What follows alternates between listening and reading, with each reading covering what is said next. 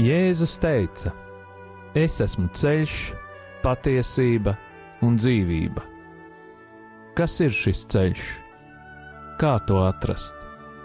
Par to raidījumā Ceļš pie viņa. Raidījumu vada Normons Grasmanis.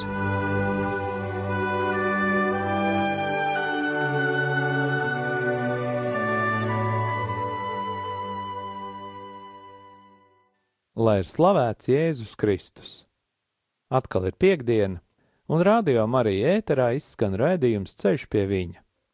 Vēlos atgādināt, ka raidījuma e-pasta adrese ir ceļš pie viņa at gmail.com. Turpinu pateikties visiem klausītājiem, kur atceras mani un pārējos radio Marija darbiniekus, brīvprātīgos un arī ziedotājus savās lūgšanās. Vēlos pateikties katram klausītājam, kurš ar savām lūkšanām un finansiālo ziedojumu atbalsta radio Mariju skanējumu ēterā, lai Dievs jūs bagātīgi svētī un arī katru atbalstītāju un visus mūsu kopumā. Un tagad, kā jau ierasti, lūksim aizsardzības lūgšanu par radio Mariju darbiniekiem un brīvprātīgajiem, par katru klausītāju un mūsu ģimenes locekļiem. Jēzus Kristus vārdā mēs pārņemam autoritāti pār savu ģimeni un sasaistām visus ļaunos spēkus un varas gaisā, telpā, zemē, ūdenī, pazemē, dabā un ugunī. Dievs, tu esi kungs pāri visam visumam, un mēs atdodam tev slavu un godu par tavu radību Tavā vārdā, Kungs, Jēzu Kristu, mēs sasaistām visus demoniskos spēkus, kas ir nākuši pār mums un mūsu ģimenēm, un ieslēdzam mūs visus tavu dārgo asiņu aizsardzībā, kas mūsu dēļ tika izlietas pie krusta. Marija, mūsu māte, mēs lūdzam tavu aizsardzību un aizbildniecību pār mums un mūsu ģimenēm ar svēto Jēzus sirdi. Ietin mūsu savas mīlestības apmetnī un sakauj mūsu ienaidnieku. Svētais arcēnģeli Mihēlu un visi mūsu sargaņģeļi. Nāciet aizsargāt mūsu un mūsu ģimenes šajā cīņā pret visu ļauno, kas ir šajā pasaulē. Jēzus Kristus vārdā un caur viņa dārgajām asinīm mēs sasaistām visas ļaunuma varas un pavēlam tām atkāpties šajā brīdī no mums, mūsu mājām un mūsu zemes. Mēs pateicamies Tev, Kungs, Jēzu, jo Tu esi taisnīgs un līdzjūtīgs Dievs. Āmen! Jēzus Kristus vārdā un Viņa krusta un Viņa izlieto asiņu spēkā mēs sasaistām jebkura ļaunuma varas spēku garus un pavēlam tiem, lai tie nebloķē mūsu lūgšanas Mēs salaužam jebkurus lāstus, burvestības, kas ir vērsti pret mums, padarot tos tukšus un bezspēcīgus. Mēs salaužam jebkuru uzdevumu, kas ir dots jebkādiem gariem, kas vērsti pret mums, un sūtām viņus pie Jēzus, lai viņš dara ar tiem, ko vien vēlas. Kungs, mēs lūdzam, lai tu svētī mūsu ienaidniekus, sūtot savu svēto garu pār tiem, lai vadītu viņus uz grēku nožēlu un atgriešanos. Mēs pārcērtam jebkādas saites un saziņu ļauno garu pasaulē, kas ietekmē mūsu un mūsu lūgšanu. Mēs lūdzam Jēzus izlieto asiņu aizsardzību pār mums un mūsu ģimenēm. Paldies, Tev, Kungs, par Tavu aizsardzību un sūti pār mums savus eņģeļus, jo īpaši svēto erceņģeli Mihēlu, lai viņš mums palīdz šajā cīņā. Mēs lūdzam tevi, vadi mūs mūsu lūgšanās un izlaies pār mums ar savu svēto garu, tā spēku un žēlsirdību. Āmen! Šī vakara tēma - geomantija. Jēdziens geomantija cēlies no grieķu valodas un sastāv no vārdiem geos, kas ir zeme, un mantis, kas savukārt nozīmē zīlēšanu. Tas attiecas uz pareģošanu ar zemi, vai arī plašākā nozīmē caur zemi, kā kopēju objektu. Eiropā bija izplatīts geomantijas veids pēc pakšaugiem. Tas īpaši bija izplatīts viduslaikos un renesanses laikmetā. Uz zilniecības dēļ, kas simbolizēja zemi, tika mesti akmeņi, zemes pikas vai kviešu graudi. Izskaidrojumi tika veikti, vadoties pēc noteiktiem likumiem. Līdzīgi geomantijai ir zīmēšana ar punktēšanas līnijām. Turklāt šie punkti tika zīmēti uz papīra ar brīvām punktētām līnijām, kas palīdzēja orākulam izteikt pareģojumu. Orākuls ir seno austrumu tautu, sengrieķu un romiešu priesteris, kas pareģoja cilvēkiem, atbildēdams uz viņu jautājumiem. Punktēšanas mākslā vai punktu atrašanas mākslā ir noteikta līdzība ar astroloģiju, jo šie punktējumi it kā ir saistīti ar zvaigžņu nozīmi. Islāma pasaulē geomantijas paražas ir sastopamas un tiek izmantotas vēl šodien. Āfrikā vēl šodien plaši izplatīta ir akmeņu, kaulu un kociņu mešana. Senajā Ķīnā, balstoties uz kaulu un kociņu mētāšanu, attīstījās tāda zilniecības forma kā aiching, ko vēlāk simbolizēja svītriņas. Ir zināms, ka fenšui māksla ir atnākusi no Ķīnas.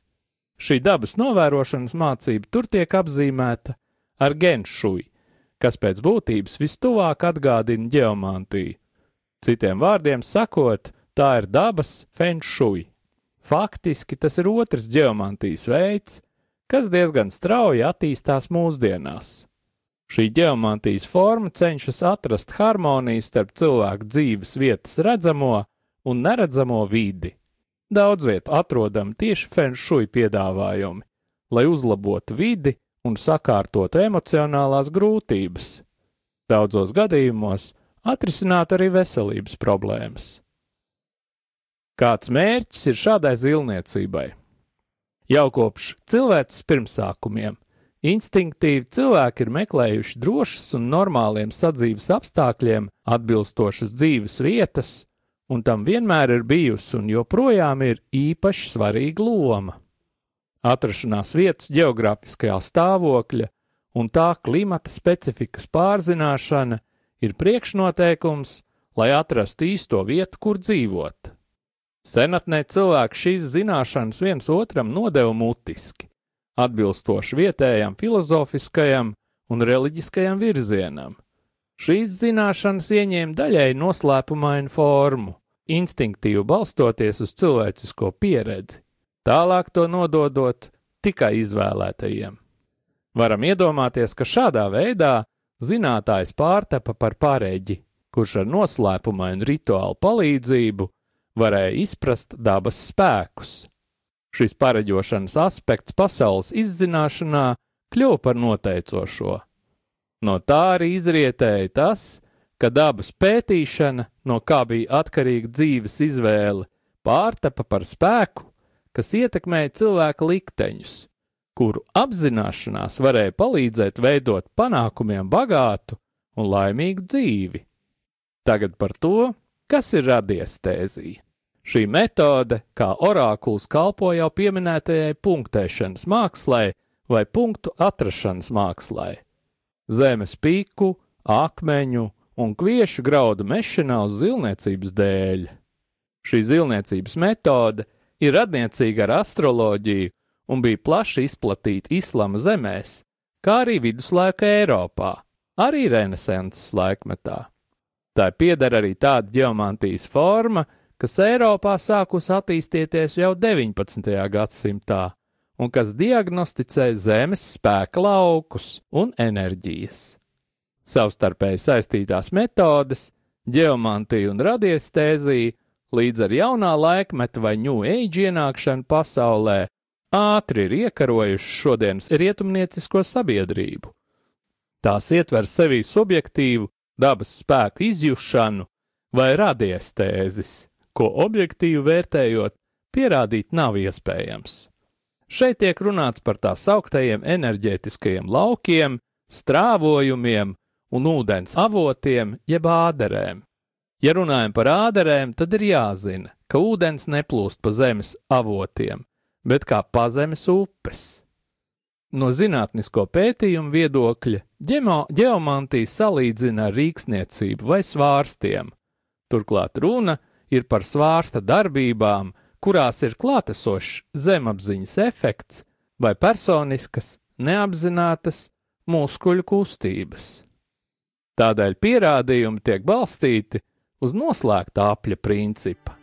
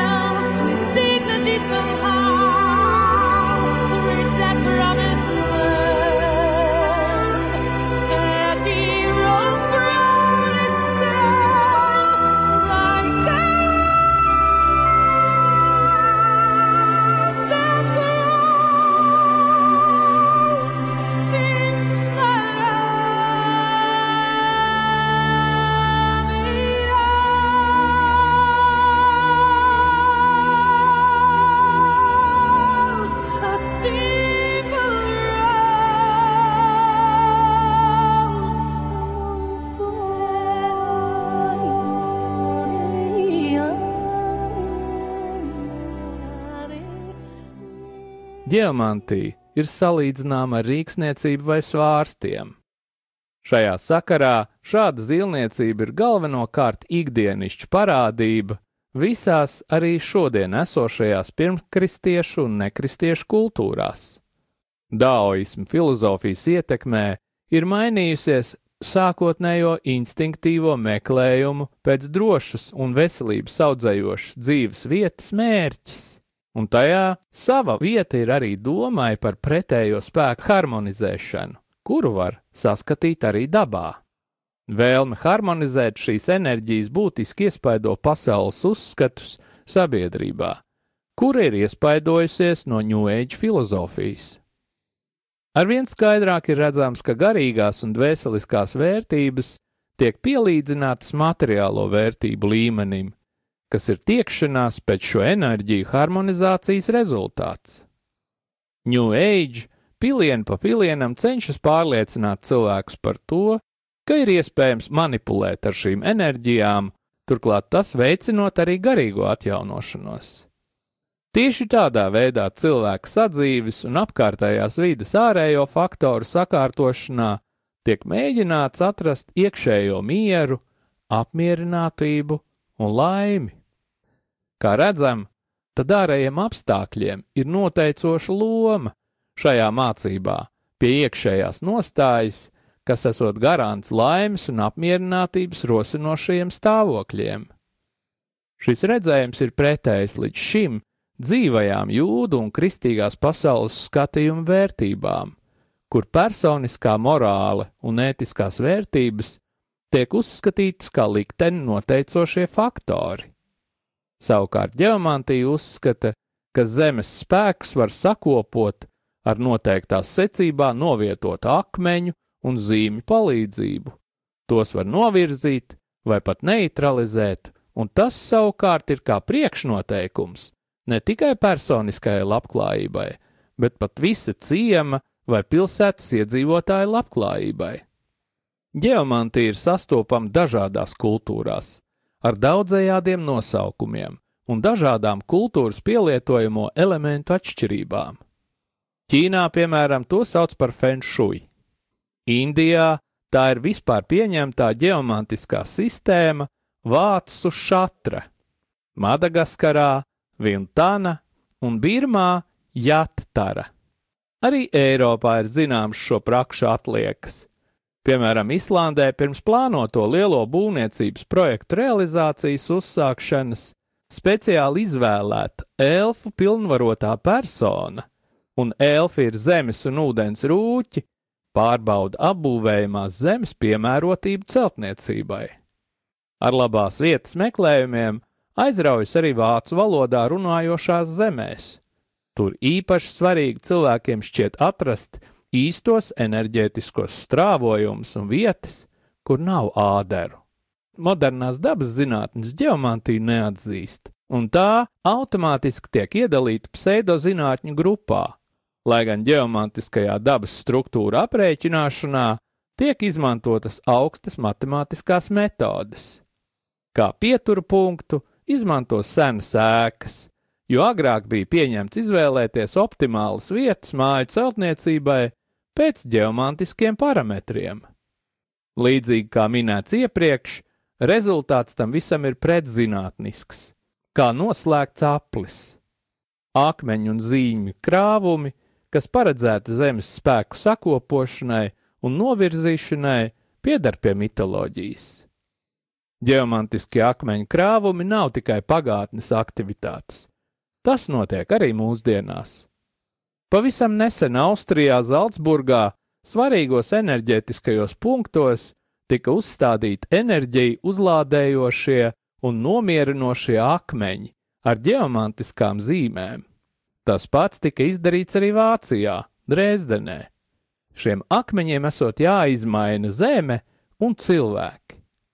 Šī ideja ir ļoti tuvu stāvoša maģijai. Eiropā geomantiju klasificē kā okulto praksi.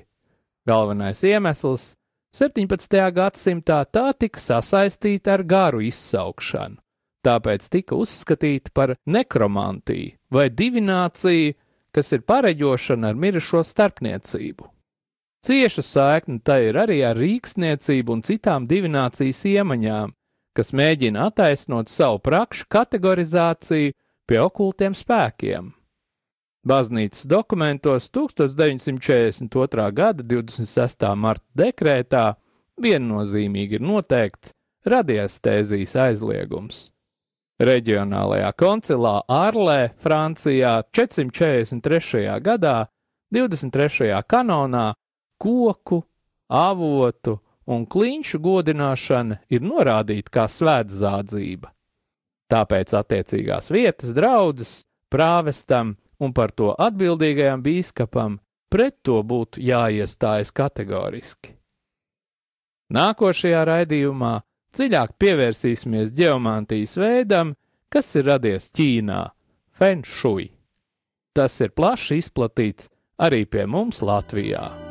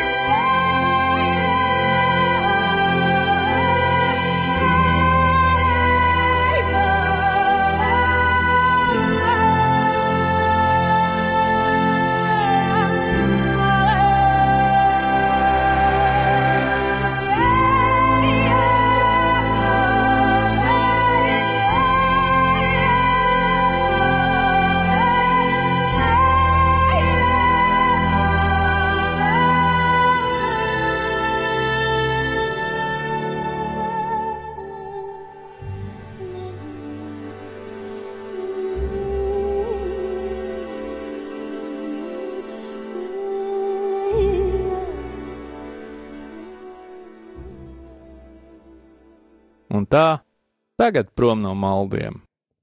Pagājušajā raidījumā beidzām ieskatīties Tomislava Vančiča grāmatas Tikšanās ar dzīvo dievu otrās nodaļas noslēgumā. Šajā vakarā sāksim ieskatīties šīs grāmatas trešajā nodaļā Jēzus Kristus un pestīšana. Jau kopš pirmsākumiem baznīca tic, ka Jēzus Kristus ir atpestījis cilvēci un visu pasauli. Kas ir pestīšana? Tā ir iespēja dzīvot brīvībā. Tā ir atziņa, ka nāves, grēka un naida pasaule ir nolemta sodam, ka tā jau ir tuvu bojājējai. ka dieva pasaule ar vien pieņems spēkā gan atsevišķos cilvēkos, gan visā pasaulē. Tā ir atziņa, ka cilvēka dzīve nav ierobežota tikai tajā īsajā laika sprīdī, kamēr viņš uzturas šeit, uz zemes, jo tai pieder mūžība. Nāve ir tikai īsa pārēja. Lai gan šeit cilvēkam visapkārt vēl ir nebrīvība, naids, skaudība, muļķības, šausmas, nāve un elle, taču viņš sevī jau nes brīvības sēklu. Viņam ir cerība. Cilvēks vēl atrodas cietumā, taču durvis jau ir atvērtas un važas sarautas. Viņš var doties ārā, brīvībā, jaunā pasaulē. Dievs viņam ir devis šo iespēju. No cilvēka paša ir atkarīgs, vai viņš tam tic, un vai viņš spērs soli pretī dievam un viņa mīlestībai. Lai gan cilvēks vēl ir ieslodzīts savā grēcīgajā miesā, viņš tomēr jau ir uz ceļa, kas ved laukā no gūsta. Labais un ļaunais pasaulē nav kā melnbalts attēls tāpēc glābšana nekļūst redzama uzreiz, pēkšņi. Drīzāk var teikt, ka tā ir īstenība, kas vispirms pakāpeniski piepildās cilvēku sirdīs, un tikai tad no turienes izstaro mūsu visapkārt redzamajā pasaulē. Labais ir sajaucies juku jukām ar ļauno, taču tas noteikti ir. Tā arī pestīšana jau ir pienākusi. Nav viegli pateikt, vai tā ir te vai tur, jo tā ir starp mums un mūsos. Tā ir kā degoša svece jūras vidū, tumsībā. Mēs visi esam tumsā, bet neviens nevar apgalvot, ka viņš neredz sveci un izēj no tumsas. Vienlaikus tomēr pestīšana ir arī pēkšņas pārmaiņas. Kopš Jēzus mums ir pastāstījis, ka esam nākuši no Dieva un pie Dieva atgriezīsimies, mūsu situācija vienā mirklī izmainījās. Kopš Jēzus ir atnācis pasaulē, tā vairs nav tāda kā agrāk. Mēs tagad zinām, ka esam, kurp ejam un ko varam. Mēs zinām, kam piederam un kas mums jādara.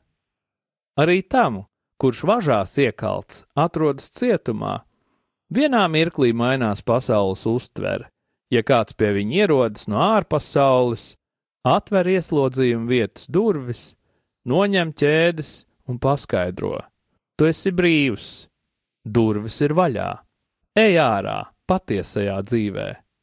Kaut arī šis cilvēks vēl paliek kamerā, kaut arī viņam vēl jāaiziet cauri dažiem gaiteņiem un durvīm, jātiek garām sardzēji, Kaut arī viņam vēl dažas dienas nāksies pavadīt cietuma ēkā, viņš tomēr ir brīvs, un savas brīvības apziņa izmaiņa viņa attieksmi pret dzīvi un izturēšanos. Jēzus mūs pavada cauri visām ciešanām. Viņš ir cilvēka pusē un pret ļauno. Lai gan mēs vēl piedzīvojam kārdinājumus un mums nākas cīnīties, pestīšana mums jau ir uzdāvināta. Kristus to jau ir paveicis mūsu labā. Mūsu uzdevums - ieiet aizvien lielākā brīvībā, tiecoties uz pilnīgo brīvību debesīs. Un tagad es aicinu uz kādām pārdomām. Aizēj kādā klusā telpā, atslābinies, elpo dziļi un ļauj, lai tevī ieplūst miers. Apzinies! ka tu esi dzīvs. Saki, es dzīvoju, izrunā arī savu vārdu.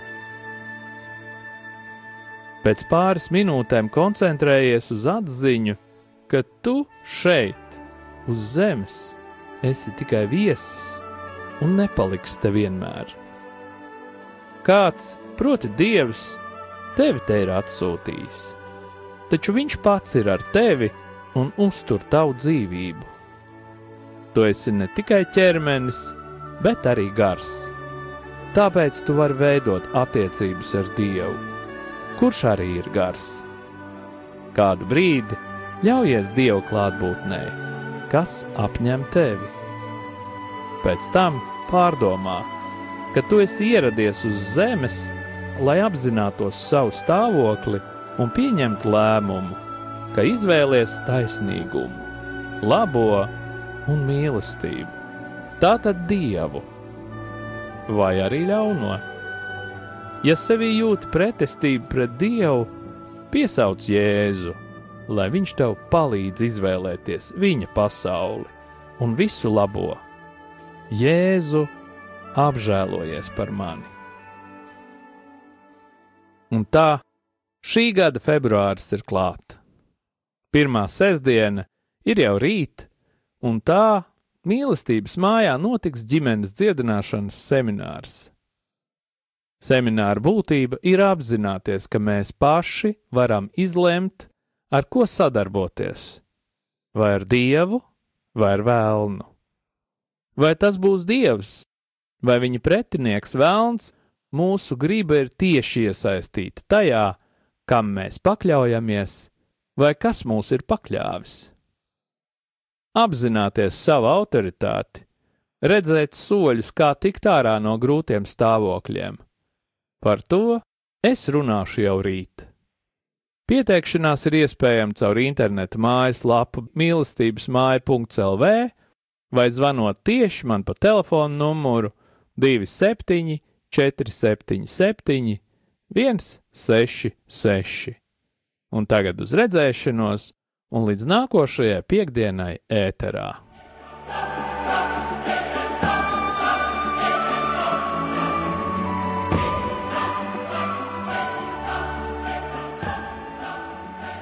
Un tagad mēs iestājamies lūgšanā pret sātanu sistēmu un tās darbībām mūsu ģimenēs jo mums katram ir dota autoritāte lūgt šīs lūgšanas mūsu ģimenes sistēmas vārdā.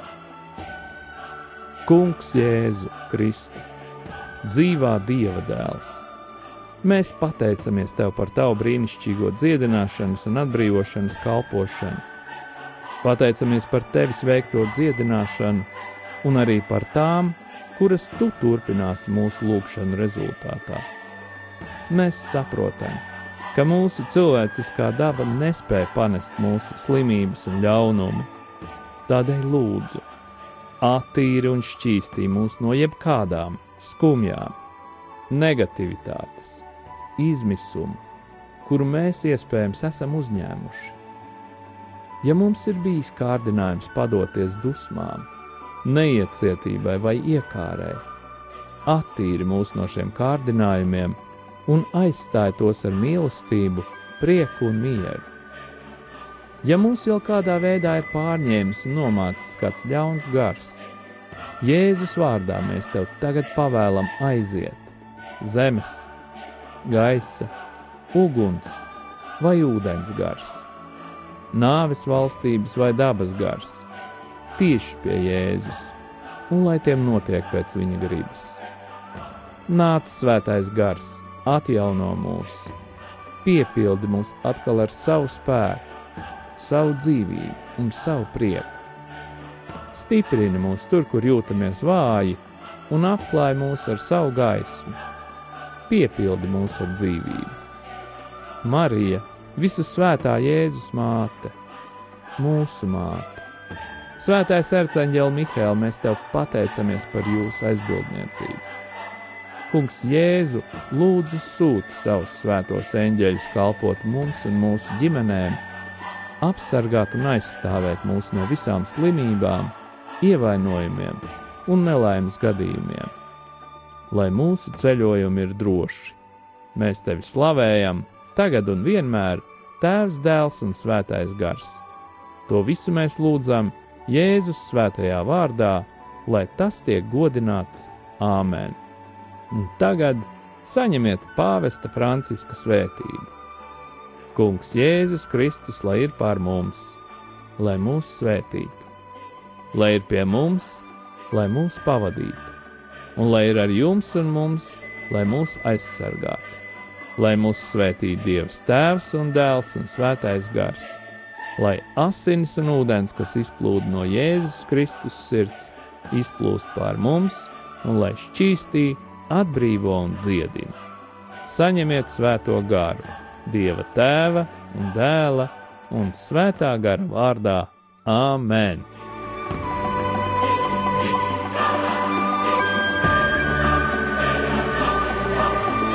Jūs klausījāties raidījumu Ceļš pie viņa uz tikšanos piekdienu!